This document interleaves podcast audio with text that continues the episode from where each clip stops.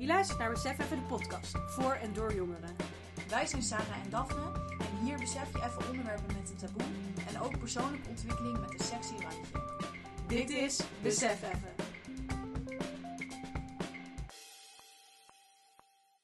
Nou, welkom bij weer een eh, nieuwe aflevering. De aflevering over het schoolsysteem. Ehm, of in ieder geval een beginnende aflevering over het schoolsysteem. Wie weet hoeveel er gaan komen. Ehm, ja, ik wilde deze aflevering eigenlijk beginnen met een quote die best wel vaak wordt gebruikt. Nou ja, eigenlijk in de, in de fashion industry. Ehm, one size fits all. Ehm, of wat eigenlijk beter bij deze aflevering past. eh, one size does not fit all. Waar ik vind dat het schoolsysteem eigenlijk heel erg op slaat. Nou ja, het mag dus duidelijk zijn waar deze aflevering over gaat. Over het schoolsysteem. En ja, ik denk deze aflevering is vooral gebaseerd op mijn eigen ervaring. Eh, maar ook wat ik om me heen heb gezien en gehoord bij, ja, bij andere jongeren. Ja, heb je er zin in? Ja hoor. Ja. ja. ja. Nice. Ik ben wel benieuwd wat er gaat komen. Ja, ik ook. nee, ja, dit is natuurlijk best wel een groot onderwerp. En ehm, ja, ik dacht daarom wil ik eigenlijk beginnen met het delen van mijn eigen ervaring in een notendop. Dus ik zal proberen het kort en krachtig te houden. Ehm, ja, ik was eigenlijk als kind best wel sociaal. Zeg maar, dan heb ik het echt over de basisschooltijd. Ehm, maar ook wel een echte dromer. Dus ik kon echt gewoon uren uit het raam staren en gewoon lekker, Lekker. studieontwijkend gedrag hebben en zo. Ehm, en nou ja, ik was dan ook wel echt leergierig, maar wel gewoon op gebieden waar ik sowieso al interesse in had. Nou ja, ik zat op een, eh, op een Montessori school en dat houdt eigenlijk in dat je op je eigen tempo door de lesstof heen gaat. Dus ja, iemand kan naast je zitten die rekenen aan het doen is, bij wijze van spreken, en eh, de andere persoon is iets met taal aan het doen. Ehm, en de leraar loopt dan gewoon een beetje rond van eh, kijkend. Van waarmee kan ik je helpen met dit taakje en zo. Eh, en daarnaast zit je dus echt met groep 6, 7 en 8 bijvoorbeeld in één klas. Ehm, dus echt met drie verschillende leeftijden. Wat ik echt nu nog steeds heel chill vind. Want nu nog steeds ga ik altijd graag met mensen om die jonger zijn en ouder zijn. Omdat ik denk dat je altijd heel veel van elkaar kan leren. Ehm, ja, dus dat aspect vond ik in ieder geval heel chill. Maar dus bijvoorbeeld ehm, dat heel zelfstandig werken aan je taakjes, dat vond ik best wel lastig. Omdat, nou ja, ehm, als je kijkt naar de theorie meervoudige intelligentie, en daar zal ik later nog op terugkomen, dan ben ik echt iemand met een interpersoonlijke intelligentie, als ik het goed zeg. En ja, dat houdt dus eigenlijk in dat ik heel erg goed leer door met andere mensen in gesprek te gaan, door samen dingen te ondernemen. En in mijn eentje vind ik dat gewoon nog best wel lastig. Ehm, ja, en je moet gewoon jezelf best wel motiveren. Want je bent niet iets met z'n allen aan het doen. Je bent gewoon in je eentje een taakje aan het doen, basically. Ehm, dus dat, ja, dat vond ik lastig. En daardoor ging ik ook best wel achterlopen. En daarnaast had ik ook nog ja, niet zo'n hele leuke thuissituatie eigenlijk. Waar mijn ouders ehm, ja, heel veel ruzie hadden. En daardoor werd ik best wel afgeleid op school. Ja, er kwam dus eigenlijk ook een moment dat ik... ehm, nou ja, eigenlijk nadat ik altijd een hele brave en stille leerling was geweest, waar echt niemand last van had, ehm, zeg maar, mijn leraren er opeens achter kwamen dat ik heel erg achterliep in de lesstof. Omdat ik dus ja, eigenlijk gewoon niet aan het werk was, ondanks dat ik de stof best leuk vond. Maar gewoon afgeleid werd door te dromen en door het zelf te moeten doen, maar ook dus door de situatie thuis. Ehm, en toen op een gegeven moment ben ik dus in groep 8 blijven zitten. Ja, en toen kreeg ik dus ook eigenlijk de overtuiging dat ik dan niet zelfstandig en structureel genoeg zou zijn voor het Montessori-onderwijs. Ehm, maar Denk daar ben ik later terug opgekomen. Nee, dat denk ik niet meer. Ik denk eigenlijk dat het heel goed bij me past, maar door de omstan- omstandigheden zeg maar dat het niet werkt op dat moment. Mhm. Ehm, maar ja, hoe was jouw basisschool? Ja, best wel prima, denk ik. Het is een beetje dubbel. Ehm, ik was totaal niet sociaal en ik had één vriendinnetje die ik al daarvoor kende en we zaten samen in de klas. Dus daardoor ging het sociale aspect best wel. Omdat zij trok me dan een beetje mee en dan werden vrienden met iedereen. En dan, eh, ja, als ik eenmaal contact had, dan, dan ging het wel. Ehm, dus dat was, dat, denk dat dat vooral een beetje het, het, het lastige voor mij was. Maar voor de rest had ik nooit echt problemen. Ik, we hadden zo'n soort plusgroepje en daar zat ik tot groep 6 in. En toen daarna, ik weet niet hoe het kwam, maar ging mijn cijfers een beetje naar beneden. Maar ik heb het altijd gewoon prima gedaan. Eh ben geen keer blijven zitten. Dus het was, ja, leuk is anders, maar het, het, het, het ging wel. Het was Mhm. best, best prima, denk ik. Ja. Ehm, nou ja, na, na mijn basisschool koos ik er dus eigenlijk specifiek voor om naar een normale eh, HAVO te gaan. Dus geen Montessori meer. Ehm, ja, omdat ik dus die overtuiging had dat dat niet bij mij paste. En het is wel grappig, want Sarah en ik die zaten dus op Hmm. dezelfde middelbare. maar wij kennen elkaar daar niet van. Want we kennen elkaar dus van breekjaar, wat we twee jaar geleden hebben Ja. gedaan. Ehm, maar ja, we hebben elkaar dus gewoon nooit ontmoet op die middelbare. Hm. Dus dat is eigenlijk wel grappig. Ehm, want jij zat een jaar onder mij of zo. Ja, zoiets. Maar ehm, ja, ik heb het niet. Ik heb mijn middelbare niet afgemaakt. Want ja, wat ik wel fijn vond ehm, ja, aan die middelbare was eigenlijk dat ik het wel. Ja, dat je echt dingen samen deed. Dus als je dan een les had, dan deed iedereen het. En dat, Hm. dat werkte voor mij op zich wel goed. Maar ik miste wel juist weer die zelfstandigheid. Dat je ook kan bepalen van oké, nou nu ben ik er wel weer klaar mee. En dan ga ik gewoon wat anders doen. Ehm, en, en de creativiteit die ik dan op de basisschool wel heel erg had. Ehm, maar ja, de stof vond ik best oké, maar ja, niet fantastisch. Heb je Ehm. toen wel eens getwijfeld om, om over te stappen? Nee, dat eigenlijk niet, want ik ben echt heel koppig. En als ik me er- eenmaal ergens in vastbijt, dan denk ik echt zo van, eh, zo zit het en eh, dat gaan we lekker niet veranderen. Ehm, ook niet toen ik eigenlijk in die tijd in een depressie kwam. Ehm, dat is nooit gediagnosticeerd, maar ja, erop terugkijkend met de kennis die ik nu heb, kan ik wel zeggen dat, dat het zeker was. Ehm, want ja, de problemen die ik eigenlijk thuis had, die begonnen zich eigenlijk, begonnen zijn tol te eisen. En ik kreeg, nou ja, slaapproblemen. En ik werd heel neers- neerslachtig en heel onzeker. En nou ja, gewoon depressief eigenlijk. Ehm, en dat is natuurlijk best wel kut. Zeker als je gewoon midden in de puberteit zit. Met alle hormonen die door je lijf gieren. En de onzekerheden die daarbij komen kijken. Had je toen wel mensen waar je een beetje op kon terugvallen? Of vrienden die je... Nou, je vrienden Nou. kunnen natuurlijk nooit helpen, maar Nou, een nee. beetje...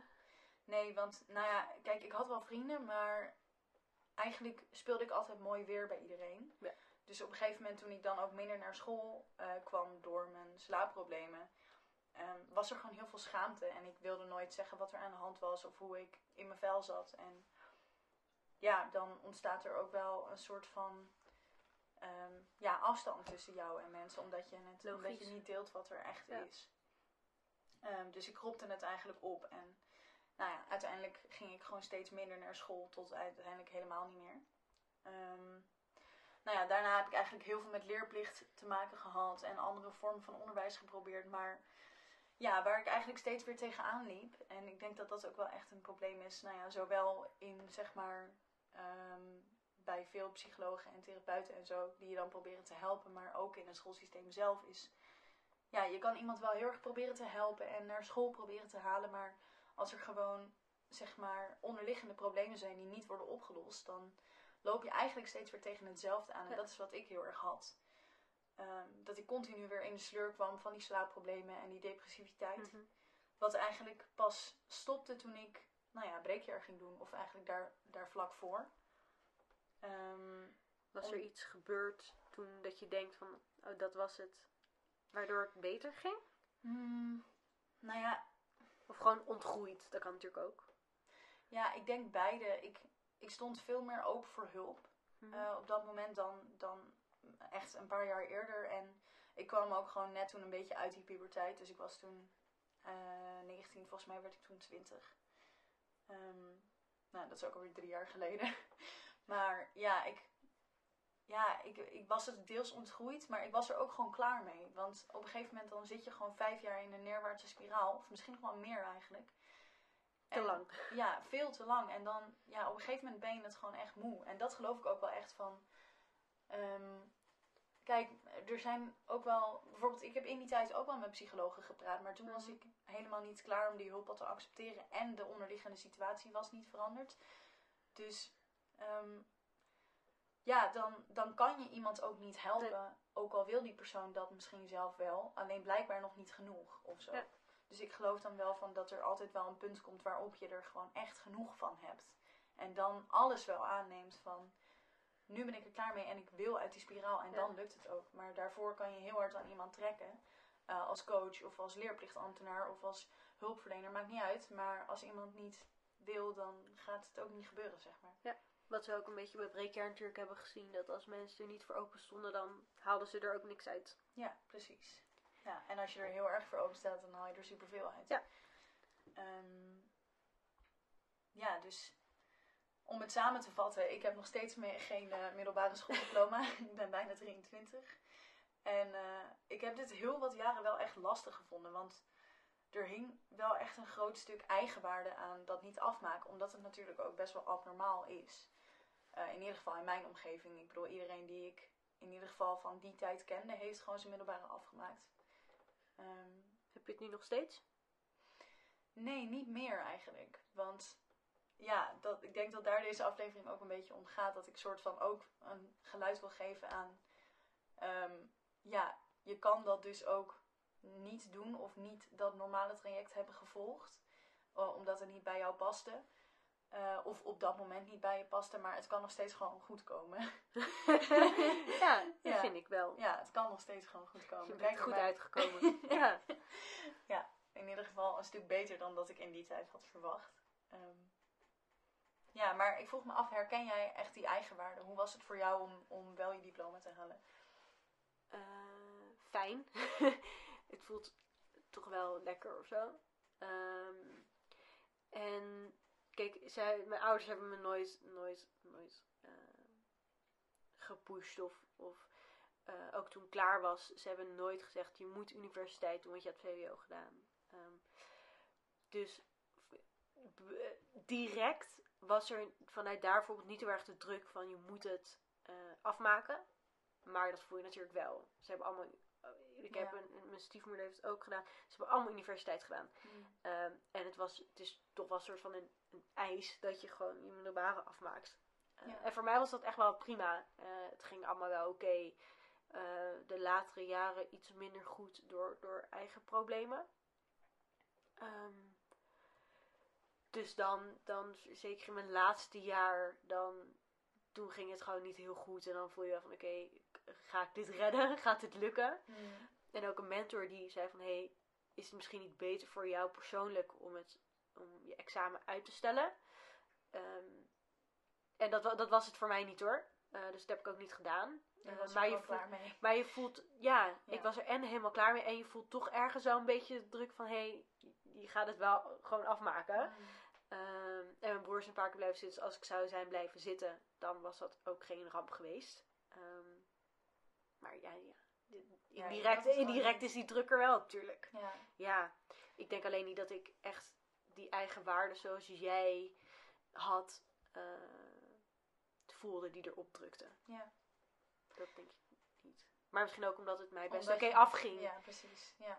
Nou ja, het was dus ook helemaal niet alsof ik zeg maar het schoolsysteem, alsof dat totaal niet bij mij paste of dat ik de stof niet leuk vond. Want wat dat betreft leer ik eigenlijk nog vrij makkelijk op die soort van klassieke manier die, waar heel veel aandacht wordt gegeven op het schoolsysteem. Maar, eh, gelukkig. Maar Ehm, ja, weet je, als het, ja, als je het dan toch, als het dan toch niet lukt, om, op, ja, eh, om welke manier dan ook, weet je wel, of Mm. om welke reden dan ook, dan, en je ziet iedereen om je heen die dat wel doet, en zeker in de puberteit, waarin je heel erg zo bent van, ik wil niet achterblijven of ik wil erbij horen, dan, ja, dan ga je dat er toch wel aanhangen, denk ik. Dus ik heb daar wel echt wel jaren wel mee gestruggeld. Nee, dat snap ik wel. Dat Ja. herken ik ook wel in. Op een gegeven moment, mensen in die omgeving die gaan natuurlijk op een gegeven moment komt er een periode dat, dat je, vooral jongens veel meer gaan blowen en in problemen komen. En dan denk je toch van ja, die zou daar maar in zitten. Weet Ja. je wel, als, als, als kind bij wie het wel oké afging, dat je dan toch denkt van, weet je wel, is het wel goed en, en Ja. maak je het wel af en wat dan? En Maar wat bedoel je daarmee dat zij dan daar ook niet uit kunnen stappen, omdat ze er ook heel erg het gevoel hebben van, ik moet erbij horen? Ehm, nou ja, dat je. mm, dat waren niet. Ze zaten echt niet in dezelfde situatie als waar jij in zat. Maar het waren wel. Ze hebben het ook allemaal afgemaakt, maar wel jongeren bij, bij wie het gewoon echt niet goed ging. En die heel veel gingen smoken, weinig naar school kwamen. ehm, echt heel erg met zichzelf in de knoop zaten. En dat je dan toch wel gaat denken van oké, wat als je het niet haalt? En wat als, je, als, als jij nu een drop-out wordt? Of Mm. wat gebeurt er dan met je? En, Ja. en hoe zit dat dan? En wat zou dat, als mij dat zou gebeuren, hoe zou ik me daar dan over voelen? En daar ga je wel over nadenken, ja. Ja, want er hangt natuurlijk ook zoveel taboe op, op überhaupt een, een drop-out zijn, om het zo maar even Ja. te noemen. Ja, zeker. Ehm, ja, en nou ja, goed. Inmiddels eh, heb ik mijn leven omgegooid. En eh, heb ik een studie tot jongerencoach gedaan. En ga ik dus bijna beginnen met een studie tot ehm, therapeut. En ik kwam er dus eigenlijk achter, opnieuw, dat ik leren en studeren eh, hartstikke leuk vind. Als het maar wel op mijn manier kan. En op mijn tempo en in mijn interesses. Ehm, wat eigenlijk super logisch is, want eigenlijk heeft iedereen dat natuurlijk. Ik bedoel, niemand leert iets graag waar hij eigenlijk gewoon helemaal niks in ziet, denk ik dan. Zeker. Maar als je dan kijkt naar onderwijs, hoe zie jij dat dan voor je? Want tuurlijk, iedereen moet het een beetje op zijn eigen manier kunnen doen. Maar je Mhm. kan niet iedereen zijn eigen onderwijs geven. Iedereen leert toch net een beetje anders. Ja. Nou ja, dat vraag ik me af. Ik denk als we hier over 100 jaar of 200 jaar op terugkijken, dan zie ik het wel weer heel anders voor me. Maar misschien is dat ook wel heel idealistisch. Maar ja, ik denk dat er sowieso wel meer aandacht mag naar verschillende leervormen en verschillende leerstijlen, maar ook aan die persoonlijke ontwikkeling. Ja, dus ik wil dus eigenlijk ja, een soort ander geluid laten horen dat als je dan niet binnen dat reguliere systeem past en je daar buiten valt, dan kan je nog steeds gewoon gelukkig en succesvol zijn, wat dat dan ook voor jou betekent. Ehm, ook al zul je misschien wel meer beren op de weg ervaren of meer dat eigenwaardeprobleem of zo, wat ik dan had als voorbeeld, dat moeten overkomen. Ja. Ehm, maar dan, ja, dan vraag ik me wel af, heb jij dan, want jij hebt het dus wel gewoon afgemaakt, Ja. eh, zoals de meesten. Ehm, voelde jij dan gehoord eh, en ontwikkeld in jouw talenten, zeg maar, of juist helemaal niet? Mm, Was er zeg maar ruimte voor jou persoonlijk in, in op de middelbare? deels wel, denk ik. Maar omdat ik een hele goede mentor had. Ik heb twee, mijn laatste twee jaar heb ik twee hele goede mentoren gehad. Ehm, die echt wel zagen dat, dat ik het moeilijk had. Ehm, en een, op een gegeven moment ook een, gymdocent die, die ook die dat zag en die ook zei van hé, hey, ehm, jij moet niet met deze mensen omgaan, want die gaan je alleen maar nog meer naar beneden trekken. En een mentor die heel goed op mij lette en die ook zei van oké, als jij dagen niet naar school kan, is dat oké, laat me weten. En dan, dan zorg ik dat dat goed komt. En dus op die manier zeker, ja. Ehm, alleen denk ik niet op ehm, intelligentie. Eh, niet dat ik het niet aankon of wat dan ook, maar even mijn interesses. Ik denk dat dat beter is. Ehm, en intelligentie trouwens ook. In sommige vakken was ik gewoon niet goed. En daar, dat is dan pech en je gaat maar harder werken. Ehm, en mijn interesses werden... Da, daar, wa- tuurlijk was daar ruimte voor, maar niet... ehm, het is niet dat je kan kiezen wat je wel en niet doet. Hmm.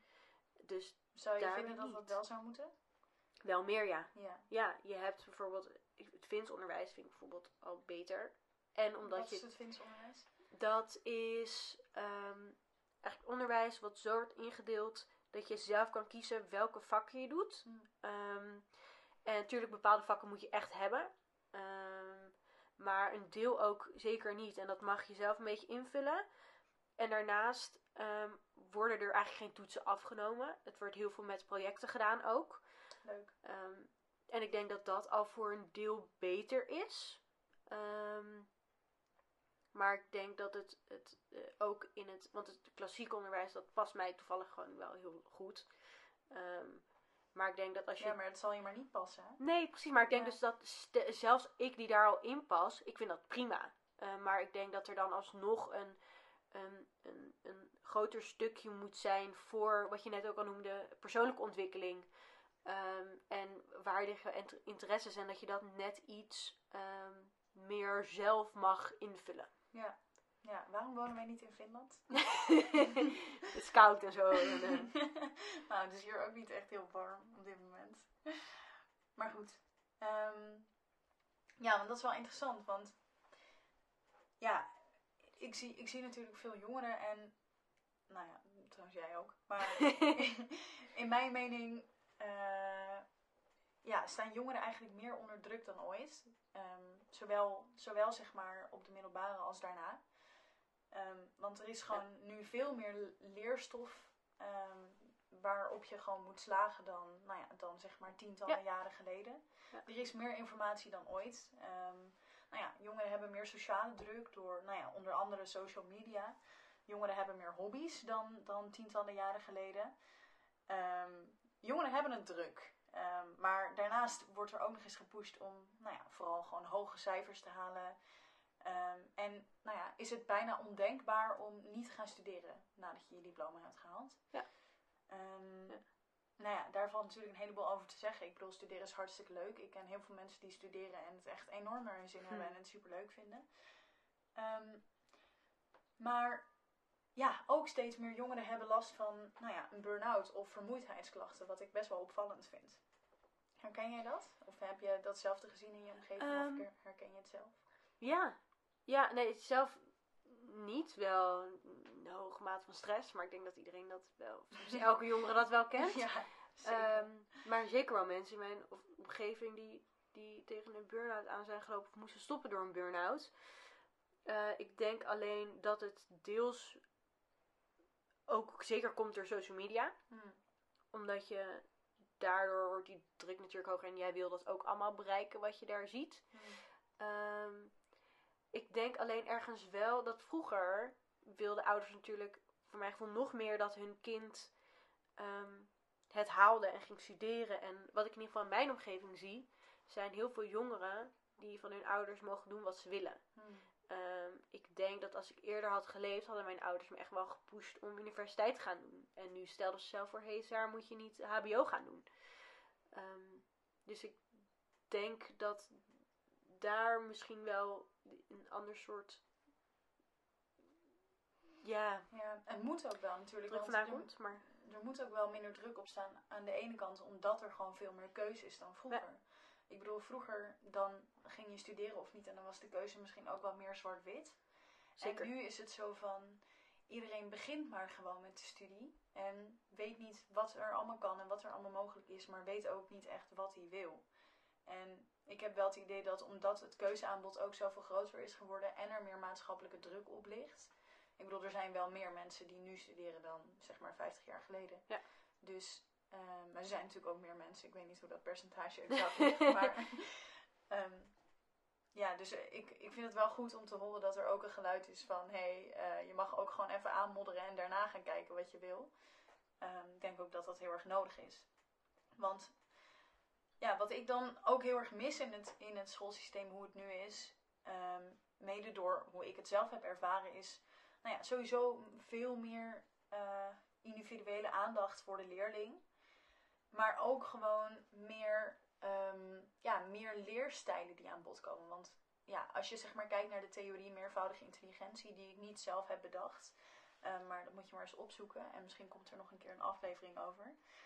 Ehm, nou ja, komt het er eigenlijk op neer dat in het schoolsysteem eigenlijk vooral aandacht wordt gegeven aan eh taallinguïstisch en logisch-mathematisch. doe En- ik. ja, dat ben jij. Ehm, nou ja, ik kan op zich ook wel met beide omgaan. Maar eh, nou ja, in die theorie zijn er nog zes intelligenties waar eigenlijk geen aandacht wordt gegeven in het schoolsysteem. Ehm, en iedereen is dan nou ja, een mix van, eh, van alle acht eigenlijk. Maar vaak springen er wel een paar veel meer uit. En als dat toevallig dan net niet die twee zijn, ja, dan heb je wel gewoon dikke vette pech. Want je Zeker. moet wel gewoon slagen. Ja. En ja, dan denk ik toch echt van, maar eh, pas je leervormen daar dan op aan, weet je wel. Maak het interactief. Er, zijn, er is zoveel mogelijk. En ook nu, is bijvoorbeeld mijn huisgenoot, die zit dan in het eerste jaar van de studie. En trouwens jij ook. Ja. Ehm, en dan denk ik, het enige wat jullie krijgen is gewoon een soort van Zoom-college, wat totaal niet interactief is, wat ik er dan van zie, hè.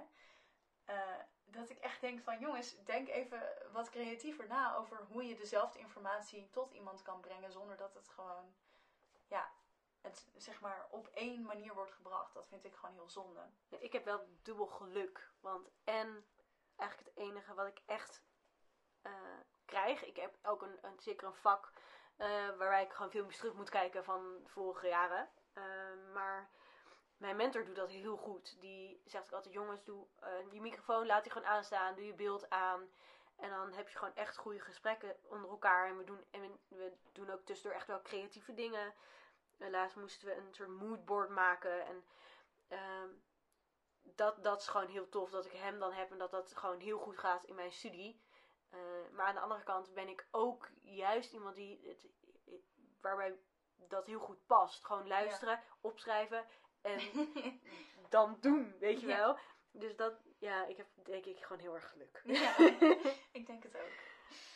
Ehm, nou ja, dus dat mis ik gewoon heel erg. En ehm, ja, bijvoorbeeld ook dat, dat je dan meer met mensen samen kan werken en discussiëren, zodat die interpersoonlijke intelligentie wat meer wordt geprikkeld, die ik dan heel erg Ja. heb.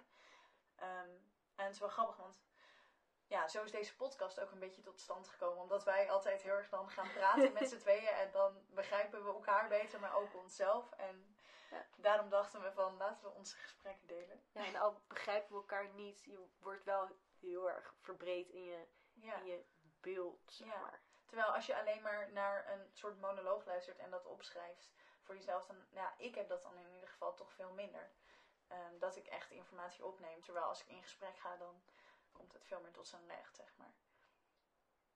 Ja, ik weet het niet. Ik, heb, ik, ik zeg, jij, jij werkt zo anders dan, dan ik daarin. En natuurlijk, ik Ja. vind het ook wel fijn als ik bijvoorbeeld leer om het, dan, om het er dan met mensen over te hebben. Dat je met elkaar in gesprek gaat over, waardoor het nog beter blijft hangen.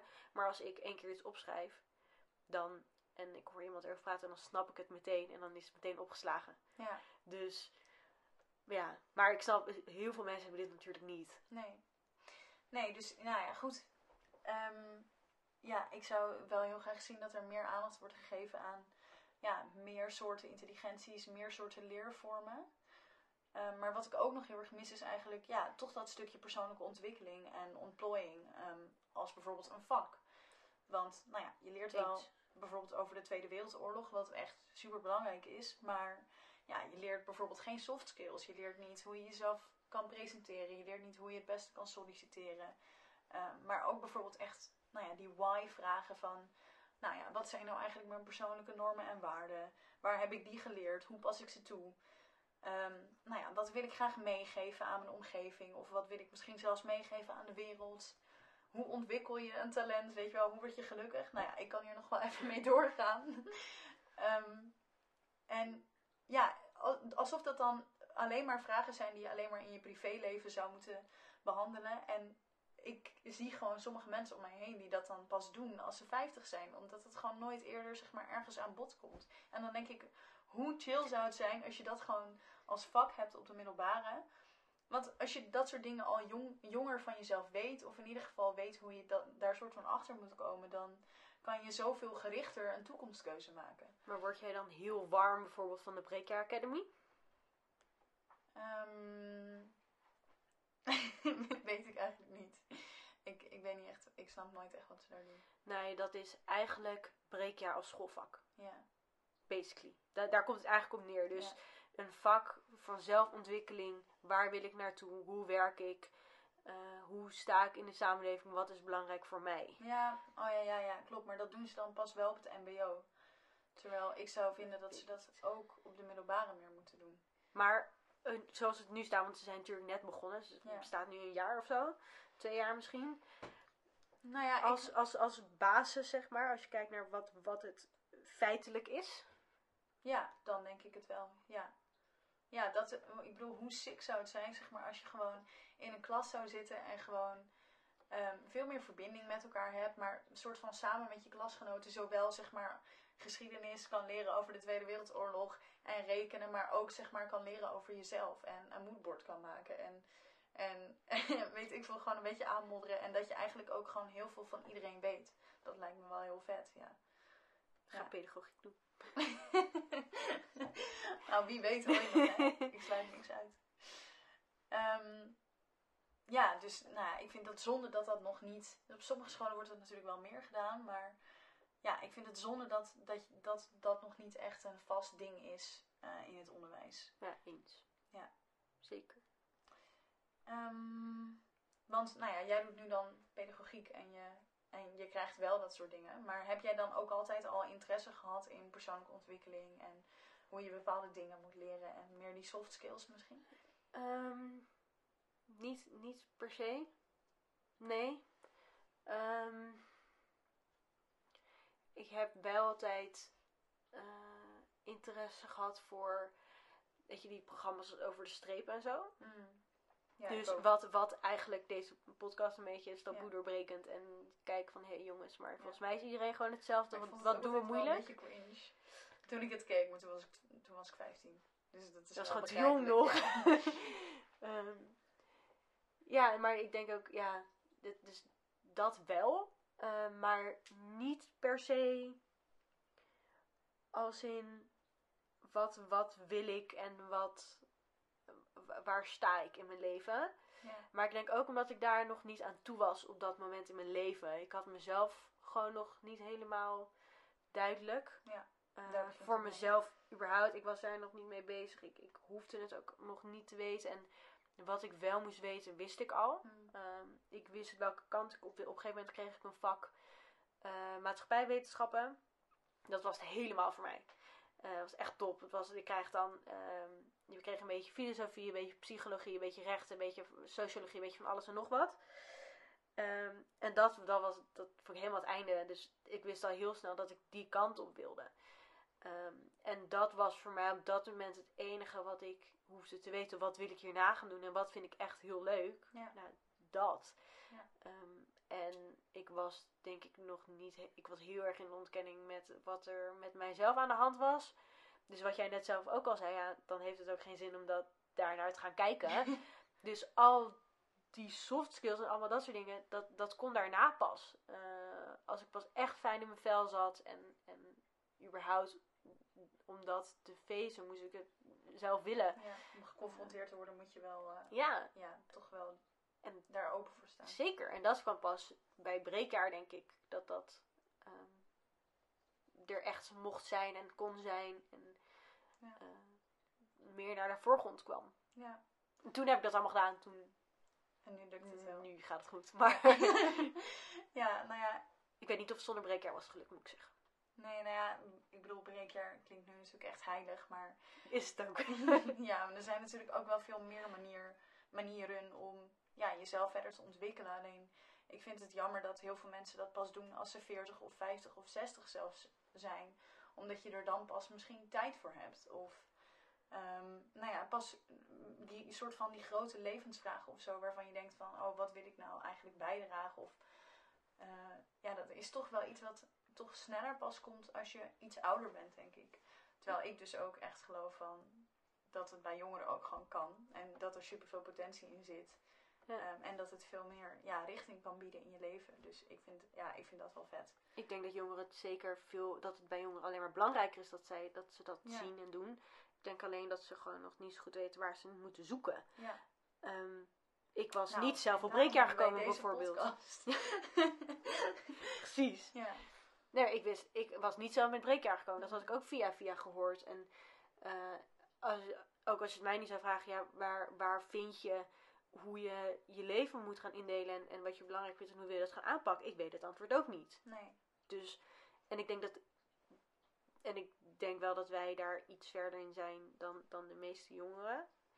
Maar ook gewoon Ehm, omdat we het interessant vinden. Ja, maar daardoor denk ik dat zij het nog minder kunnen vinden en nog minder zien van oké, hoe dan, waar dan, Ja, Ehm, waar begin je ook? waar begin ik? Ja, want ik bedoel, ik ken zoveel mensen die nog steeds gewoon, die de middelbare uit zijn gerold, twee studies hebben geprobeerd, misschien tot een derde kwamen, of misschien wel in één keer, maar wel altijd met de vraag blijven van, ja, past dit nou echt bij mij? Of ja, is het toch niet iets anders? En als dit dan de studie bij mij past, past dan het beroep dat daar dan achteraan komt ook wel? En Ja. moet ik dat dan wel zo invullen? Nou ja, ja, ik vind dat wel interessante vraagstukken die overigens niet meteen beantwoord hoeven te worden. maar ehm, ja, waar ik het wel heel interessant vind om wat dieper naar te kijken, ook al op jongere leeftijd. En niet pas als je je studie hebt afgerond, of tijdens een midlife crisis, of tijdens een burn-out op je dertigste, als je, ja, weet je wel, dat soort dingen. Of misschien pas op je, op je 65ste als je met pensioen gaat. Want dat zijn natuurlijk wel vaak momenten waarop die levensvragen opeens omhoog komen. Ik denk dat het dan ook goed is om te doen. Ja, omdat, je zeker. bent, omdat je bent veranderd. Maar Ja. dat je in, in, in je jeugd moet beginnen. Ja. Of in je, je tienerjaren, zeg maar. Ja, en het kan natuurlijk ook een stuk simpeler en gewoon beginnen met: hé, hey, wat zijn nou eigenlijk mijn talenten? Wat vind ik nou eigenlijk leuk om te leren en om te doen? En eh, hoe pas ik dat een beetje straight to the point toe in mijn leven, zodat ik meer, nou ja, zodat ik gewoon dagelijks meer plezier heb eigenlijk. Ja. Ja, om het even lekker makkelijk te maken. Moet je alleen wel beseffen dat, dat, dat, dat je in een soort sleur zit van het schoolsysteem. Ja. Ik denk dat iedereen dat wel heeft op de middelbare. Gewoon gaan en dan hopen dat de tijd snel gaat en dat je snel klaar bent. Ja, maar ja, En niet verder kijken. hoe cool zou het zijn als dat dus niet meer nodig is, omdat je Ja. school gewoon ervaart als iets leuks en iets waar je voor kiest om naartoe te gaan, omdat het simpelweg leuk is wat je daar doet. Eens. Ja, dus eh, daar hoop ik op. Ik hoop dat mijn kinderen tegen die tijd dat ik die heb, over 15 jaar of zo, dat ze dan denken van, nou, school, fucking chill, ouwe. 15 jaar pas. Sorry. Nou, voorlopig nog eh, even niet hoor. Maar goed. Ja, dus ik wilde in deze aflevering eigenlijk vooral, nou ja, een beetje laten, eh, een beetje kritisch kijken van hoe het nou eigenlijk gaat met het schoolsysteem. En, nou ja, en met zijn tekortkomingen, maar dus ook met wat er wel goed gaat. Nou ja, en dit is gewoon een super breed onderwerp waarover ik nog twee uur kan doorlullen. Hm. Ehm, maar ja, ik hoop gewoon dat er dus meer ruimte komt voor persoonlijke ontwikkeling. En ja, meer verschillende leervormen en stijlen en intelligenties en individuele aandacht. Maar nou ja, zolang dat er nog niet is, kan je dus gewoon naar deze podcast blijven luisteren.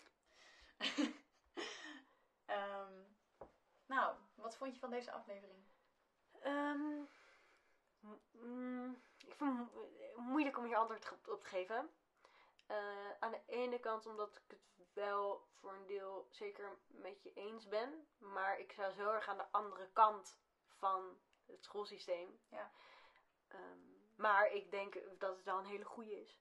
Ja. Een, heel, een heel goed onderwerp om het meer over te hebben. En dat ik wel hoop dat er net zoals een beweging komt voor afschaffing van het collegegeld en, en van lenen, dat er ook een beweging komt ehm, voor meer persoonlijke ontwikkeling in het onderwijs. Ja. En alles wat daarbij komt kijken. Nou, ja. Ik vond het wel een leuke aflevering. Goed zo. Heb je het gevoel dat je alles hebt gezegd wat je wilde zeggen? ja, ik denk het wel voor nu. Maar ja, voor nu wel. Leuk dat je hebt geluisterd naar deze aflevering van Besef Even, de podcast. Slide in onze Instagram DM's op besef.effen.podcast voor topicverzoeken en laat weten wat je ervan vond. Of laat een review achter op Apple Podcast. Tot de volgende Besef Even.